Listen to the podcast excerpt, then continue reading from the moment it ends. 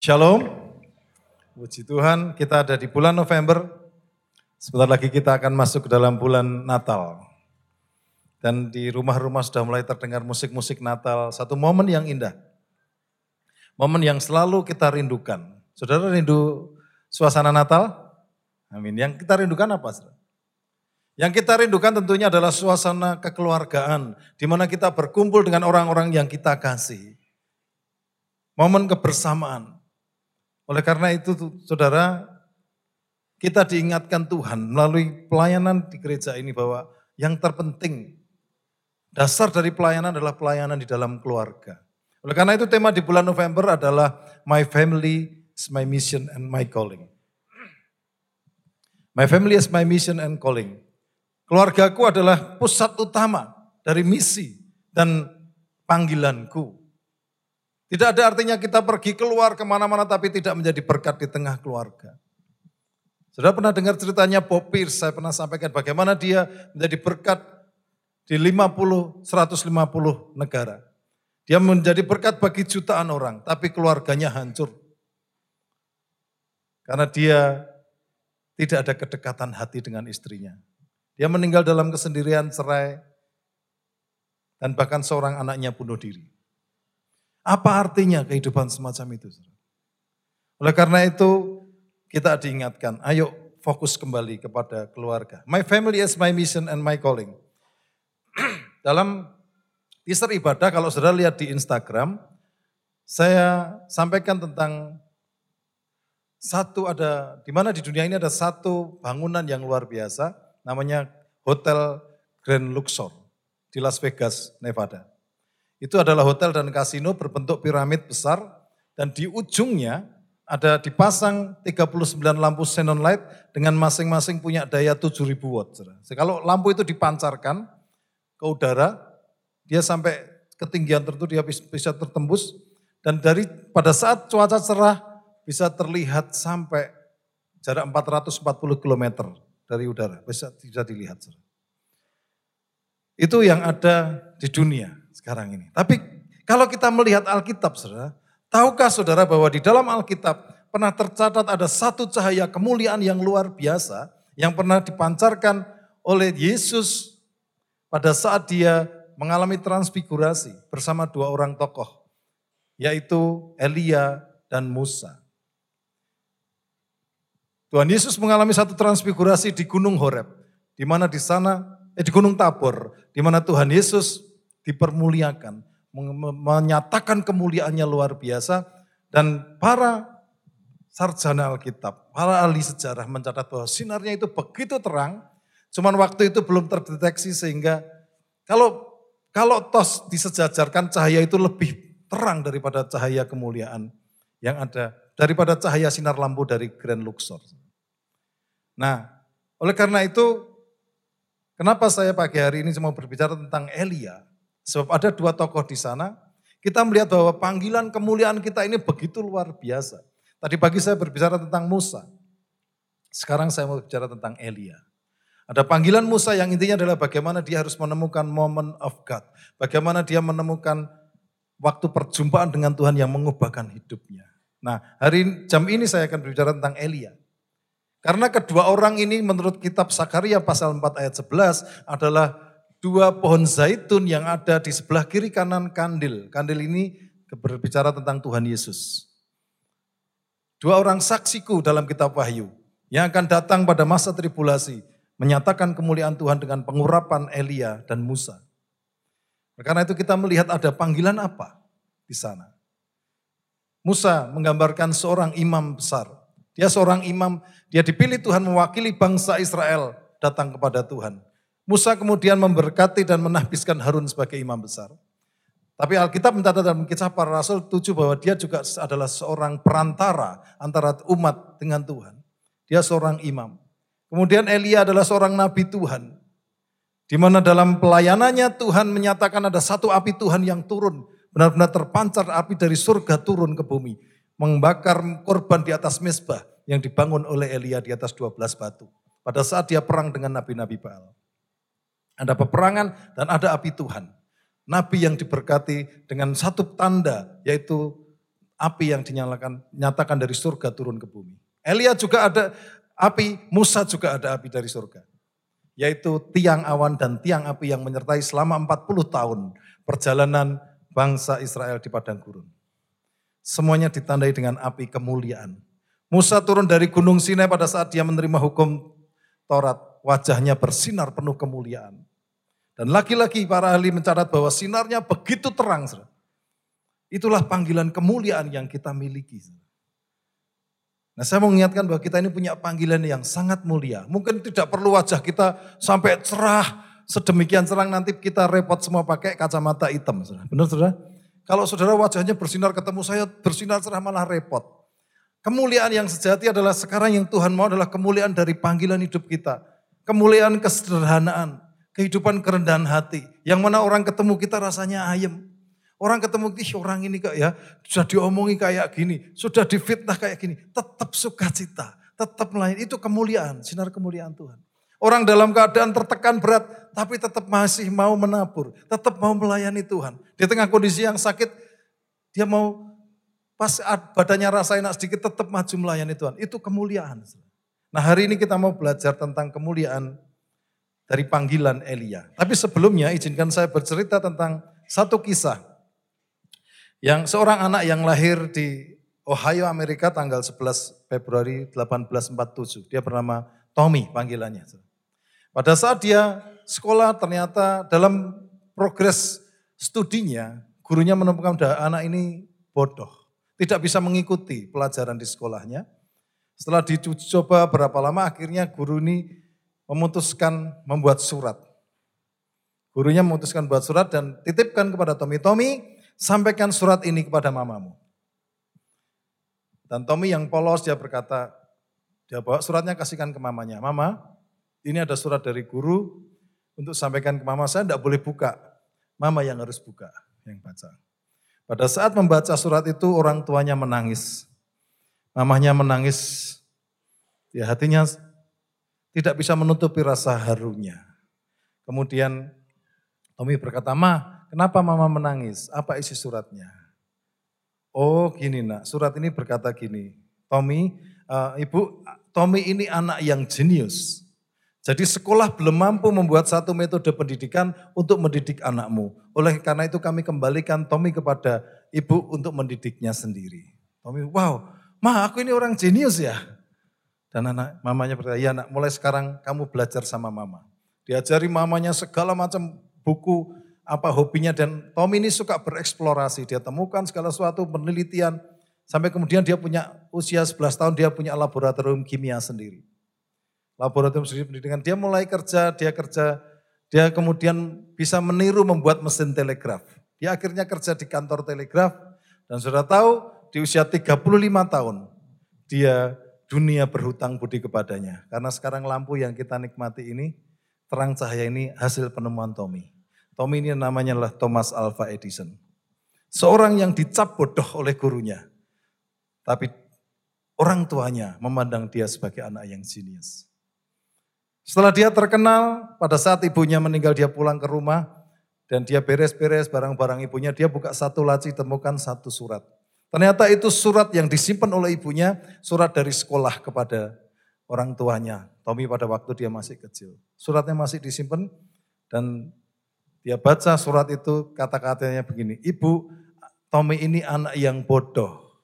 Dia tidak bisa menyesuaikan pelajaran di sekolahnya, oleh karena itu kami kembalikan kepada ibu untuk mendidik anak ini. Saudara membaca surat itu, Tommy menangis. Hatinya hancur.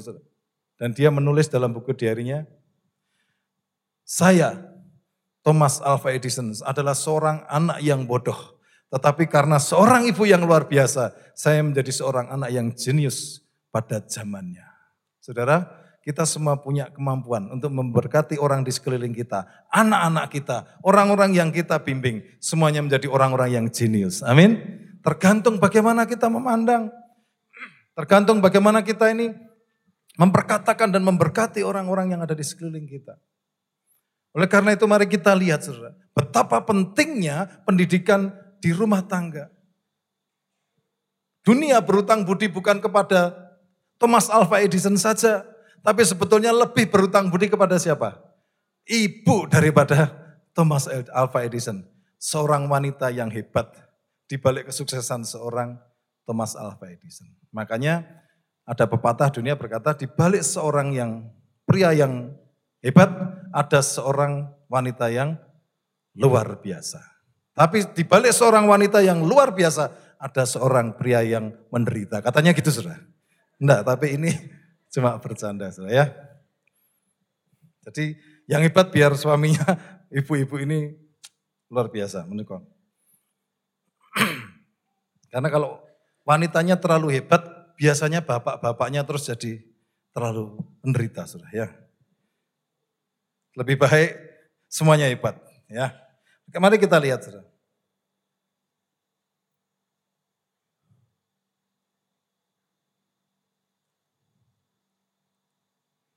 Sorry.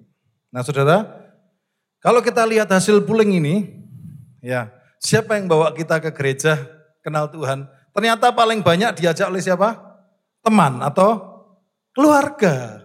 Bukan dari KKR, bukan dari sistem penginjilan, bukan dari program gereja juga. Bukan dari inisiatif sendiri itu ada tapi tidak banyak.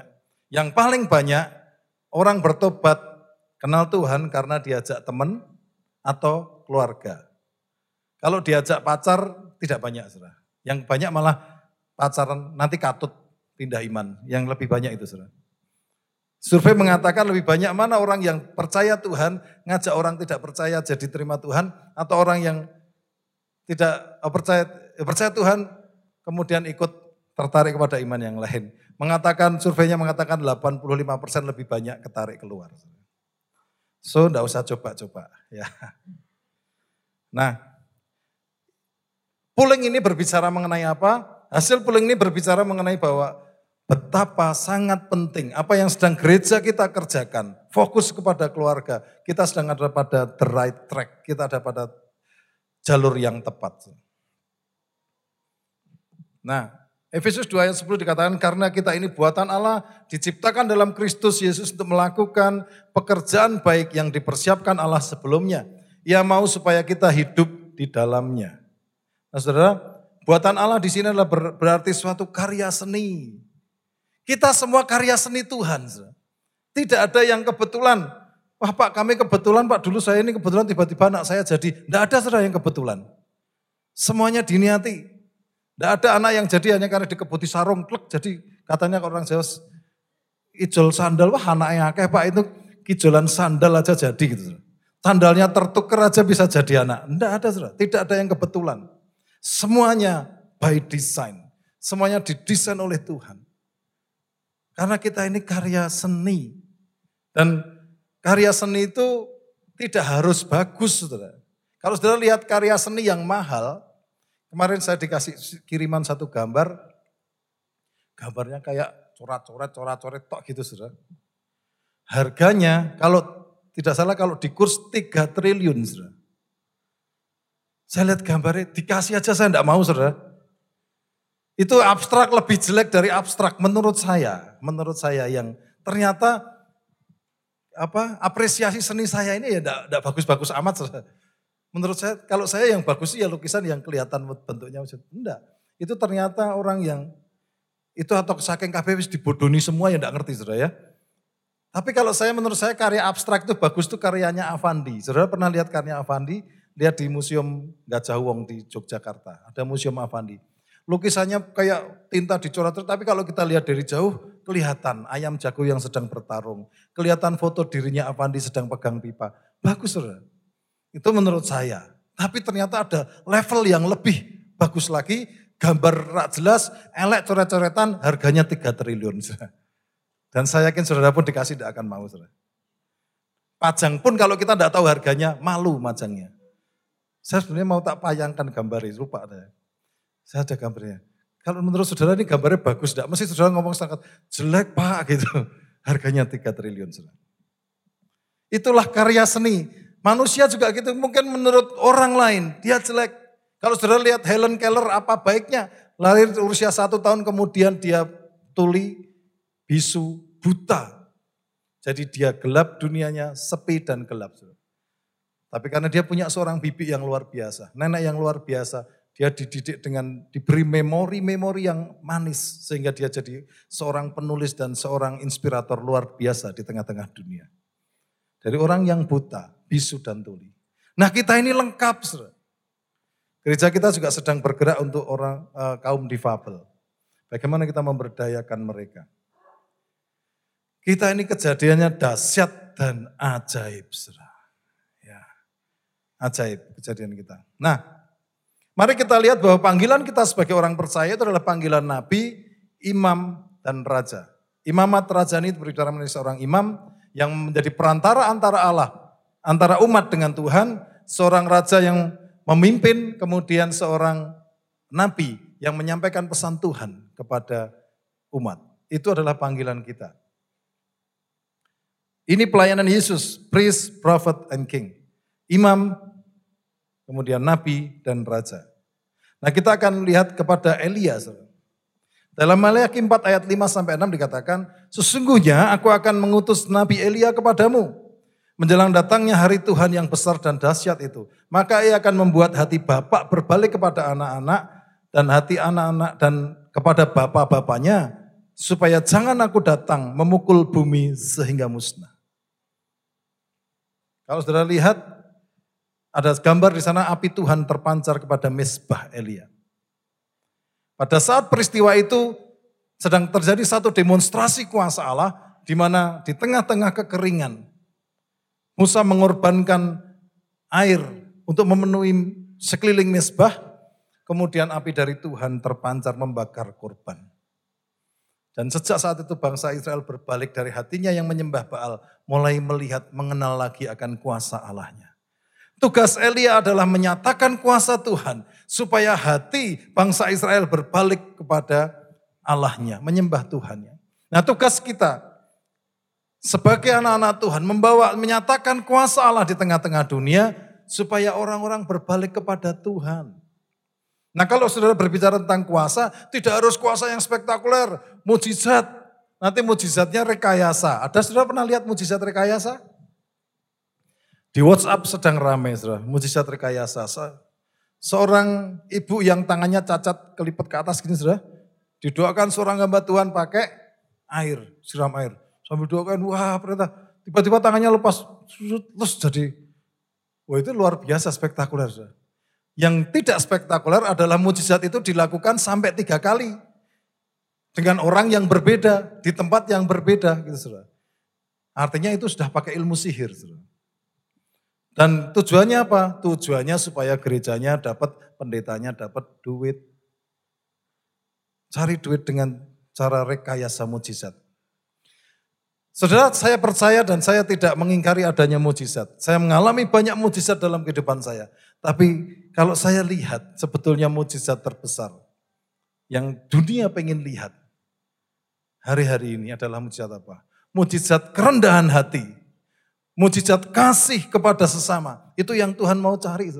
Kalau gereja banyak melakukan satu tindakan kerendahan hati. Gereja bisa saksi kerendahan hati. Di mana kita menjadi pembawa damai. Alkitab berkata, berbahagialah orang yang datang sebagai apa? Pembawa damai. Hari ini kita datang sebagai pembawa kekacauan, troublemaker atau damai. Ini yang Tuhan mau cari dari hidup kita. Berbahagialah orang yang berduka cita, karena mereka akan dihiburkan. Orang yang mengalami duka cita, beberapa hari yang lalu kita melihat satu kesaksian yang luar biasa. Bagaimana salah seorang rekan kami Pak Denny, istrinya meninggal. Di tengah keadaan yang berat, begitu berat dia menjadi saksi perjanjian nikah yang luar biasa. Saat sakit atau sehat, saat miskin kaya, saat susah maupun senang. Kita akan terus, aku akan terus mengasihimu sampai maut memisahkan kita. Bagaimana Pak Denny melayani Bu Denny tiga tahun terakhir sudah kondisinya sangat lemah.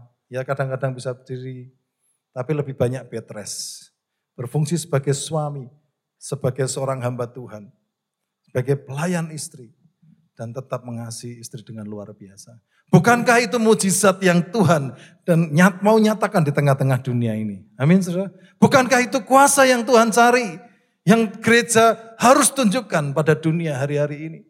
Bukan kuasa yang terlalu spektakuler. Kalau ada mujizat puji Tuhan, saya percaya ada banyak mujizat. Tapi gereja hari ini butuh kerendahan hati. Umat Tuhan butuh menyaksikan ini supaya kemuliaan Tuhan dinyatakan seperti Elia menyatakan ini semua. Apa yang dilakukan Elia adalah dia lakukan bisa dibantu dari LCD? Apa yang dilakukan Elia adalah dia melakukan satu demonstrasi kuasa Allah, menyatakan api Tuhan turun, perkenanan Tuhan turun. Nah hari ini Tuhan mau kita gini sudah, kita di tengah kehidupan kita kekeringan, tidak ada air selama tiga tahun, kita tetap bangun mesbah. 12 suku berbicara mengenai kegenapan suku Israel. Kita bangun mesbah bagi semua anggota keluarga kita. 12 suku itu berbicara mengenai seluruh anggota keluarga. Tidak boleh ada satupun yang tidak ikut bangun mesbah. Semua harus bangun mesbah. Berikan korban terbaik. Korban terbaik waktu itu apa? Tidak ada hujan tiga tahun. Artinya yang sangat langka adalah air. Dan Elia korbankan air. Dan pada saat Elia korbankan itu, Tuhan nyatakan kemuliaannya.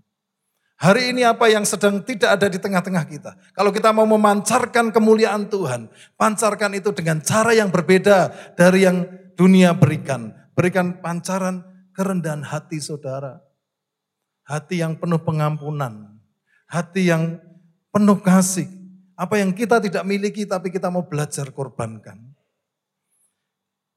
Saya ada seorang teman yang jemaat dari Ungaran yang sakit kanker, payudara. Kemudian habis dioperasi dia kemo. Dia pada saat ada jadwal choir di sini dia berkata, "Pak, saya mau ikut." Ini sekitar berapa tahun yang lalu. Saya mau ikut, Pak. Oke, silakan, Bu. Tapi saya kepala saya gundul. Tidak apa-apa, silakan kalau mau gundul saya malah diberkati, puji Tuhan. Artinya kita melihat satu orang yang punya, tapi dia akhirnya datang pakai wig. Dia pakai wig dan dia ikut melayani. Memang tidak ada jemaat yang tahu, tapi saya tahu persis bagaimana pergumulan ibu ini untuk maju di atas mimbar dan mengangkat tangan menyembah Tuhan di tengah penderitaannya. Kemudian dia mengalami mujizat, dia disembuhkan. Tapi beberapa hari yang lalu, ibu ini tiba-tiba sesek nafas masuk ke rumah sakit. Waktu kami tinjau ke sana, kami besuk. Ibu ini ternyata dia paru-parunya penuh cairan. Dan dokter diagnosa apa? Sakit kankernya sudah berubah jadi kanker paru-paru. Saya rasanya membayangkan, wah berat saudara, hidup seperti itu tidak mudah. Betul saudara? Saudara membayangkan, dengar ceritanya saja, rasanya saya sudah sesek. Saudara. Tapi kalau saudara datang ke sana, ketemu ibu ini, saudara akan ketemu wajah yang begitu sukacita. Selalu senyum.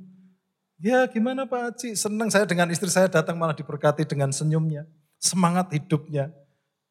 Ini nanti pasti Tuhan tolong lagi Pak. Kalau sembuh saya cepat-cepat pelayani Tuhan.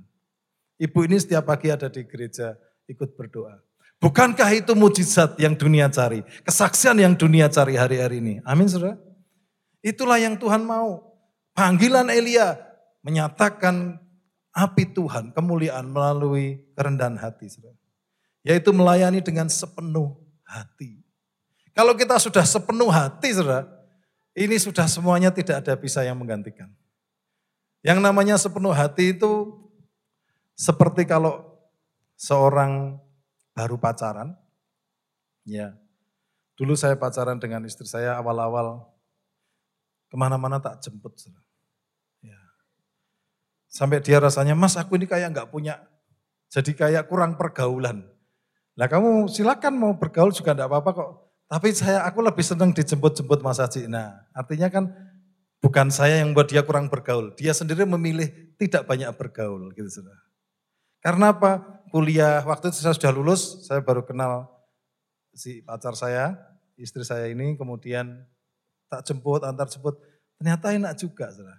Dan saya melakukan itu dengan sepenuh hati. Tidak dibuat-buat karena cinta. Ya, Nanti pulang dari kerja saya langsung cari lagi, ketemu lagi. Kami pacaran 4 tahun, setiap hari ketemu. Tidak bosan tuh saudara? Tidak bosan.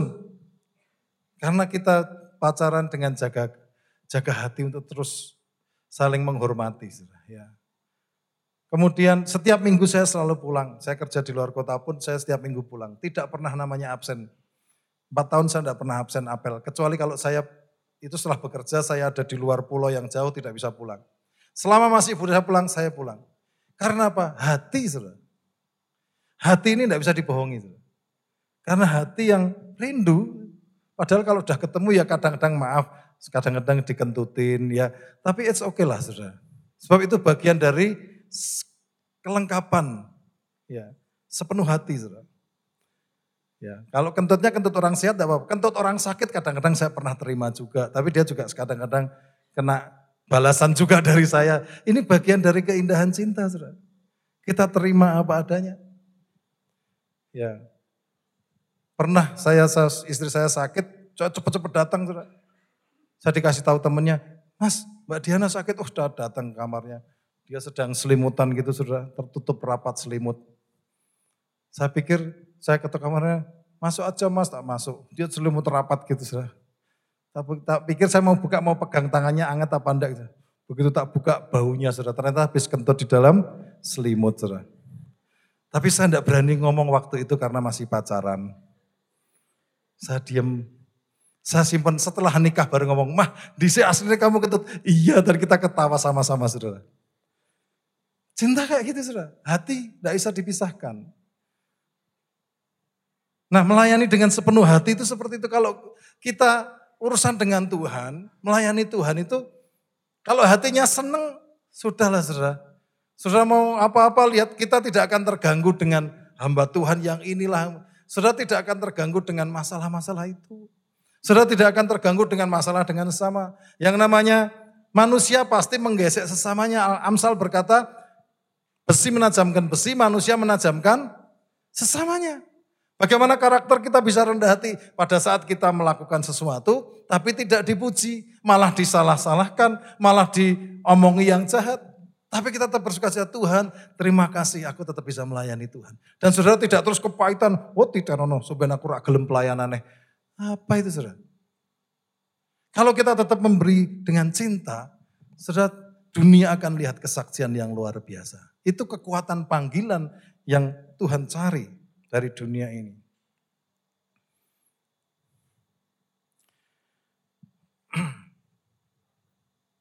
Nah, Amsal 27 ayat 19, seperti air mencerminkan wajah, demikianlah hati manusia mencerminkan manusia itu. Saudara. Nah saya ini sering kali dikritik istri saya, mas, mas Haji itu kalau, kalau lagi tidak seneng, langsung wajahnya kelihatan. Tak pikir Mosok sih, menurut saya sih wajah saya biasa. Tapi bagi istri saya, wajahnya sudah jadi jelek gitu. Saya ini kalau tidak senang sih, tidak cocok wajahnya langsung berubah. Nah saya ngomong lagi, piye caranya masa mau rubah itu? Ya istri saya pesannya gampang. Yang dirubah hatinya, jangan wajahmu. Gitu.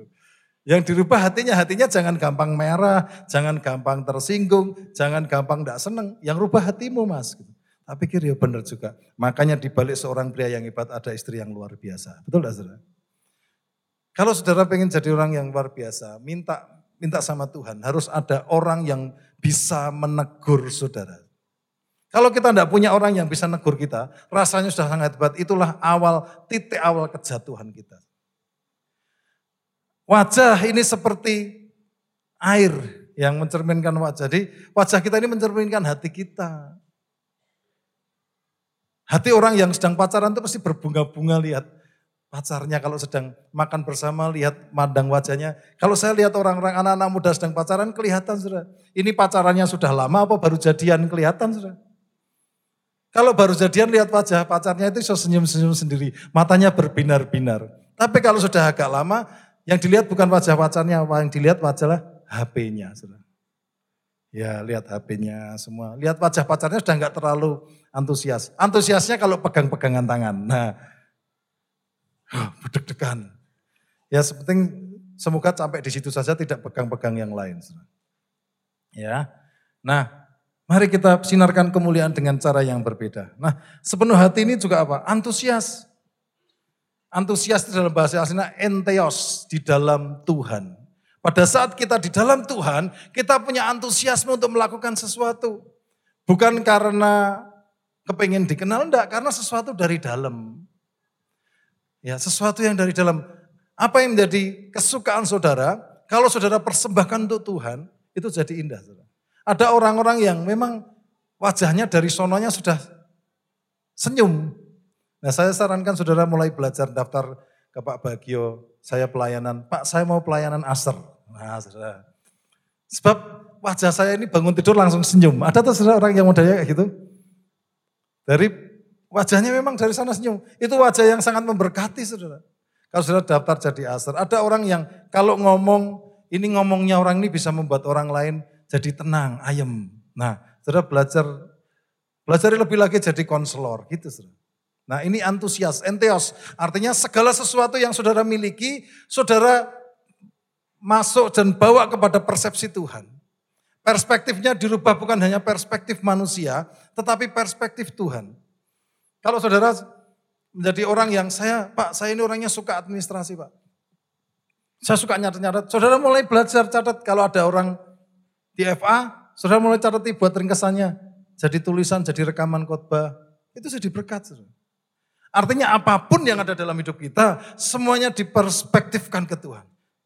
Dikembalikan kepada Tuhan. Ini enteos, antusias. Seperti itu. Nah, saudara, kita mungkin tidak menyadari betapa benar-benar uniknya kita ini semua. Molekul-molekul DNA bisa bersatu dengan sejumlah cara yang terbatas. Jumlah potensinya persatuan molekul DNA ini dari 10 sampai 2,4 miliar kali. Angka ini merupakan peluang untuk kita menemukan orang lain yang sama persis seperti kita. Nah jika kita hendak nulis dengan angka 0 yang lebarnya 1 inci, kita akan membutuhkan kertas yang panjangnya 37 ribu mil. Jadi kalau kita mau lihat peluang bagaimana DNA kita ini, kita bisa ketemu orang yang sama dengan kita, persis. Itu kita lihat peluangnya satu, dilihat angka 0, 1 sampai 37 ribu mil. Saudara bayangkan betapa kita ini sangat-sangat unik. Amin saudara. We are very special in God's eyes. Kita ini sangat spesial di hadapan Tuhan. Jadi jangan pernah mana, ah kamu ini seperti ini. No saudara. Justru kepada bagian-bagian tubuh yang lemah kita memberi perhatian yang luar biasa. Betul saudara? Mata kita ini sebetulnya paling lemah. Tapi perhatiannya Tuhan kasih yang luar biasa. Dilindungi dengan bulu mata dan segala macam. Mari kita lihat lebih lagi. Jadi tadi yang pertama kita melihat bahwa Elia ini adalah melayani dengan sepenuh hati. Yang kedua, panggilan Elia panggilan untuk memberikan hati yang dibentuk. Mari kita lihat bahwa Tuhan itu memakai semua orang. Ada karakternya koleris, orang yang dominan. Ada karakternya melankolis. Ada yang karakternya plekmatis, orangnya tenang, sabar. Ada yang karakternya sanguin, Orangnya pengen tampil selalu explore gitu saudara. Tapi itu yang dominan. Tapi rata-rata setiap orang punya dua karakter yang dominan. Nah Elia ini termasuk tipe koleris. Orangnya keras, dominan.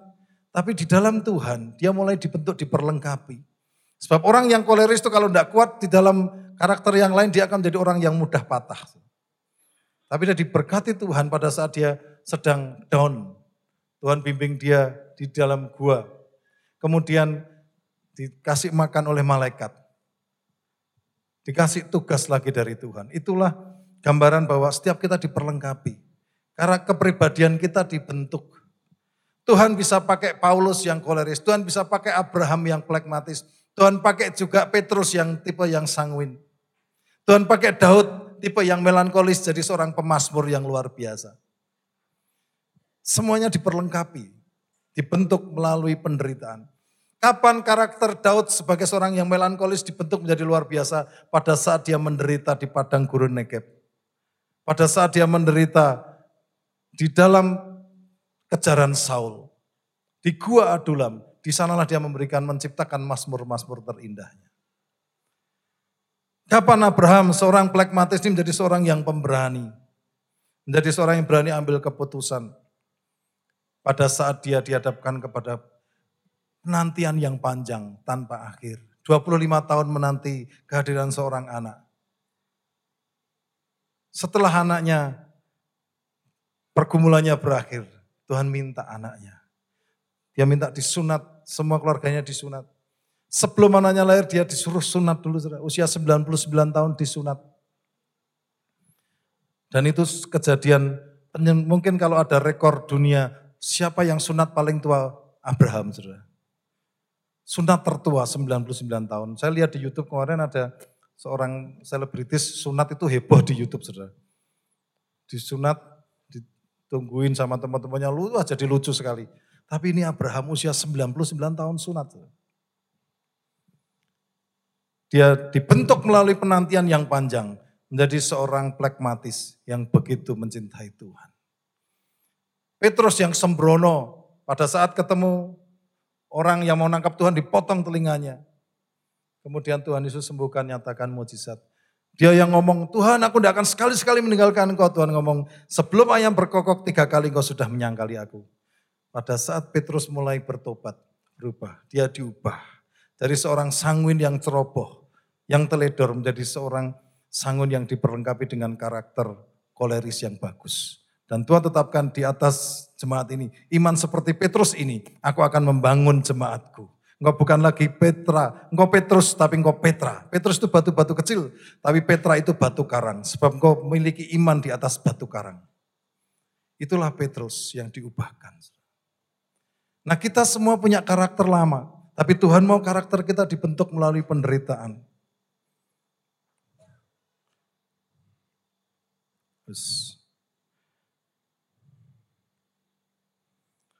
Nah saudara, bisa ditayangkan lagi?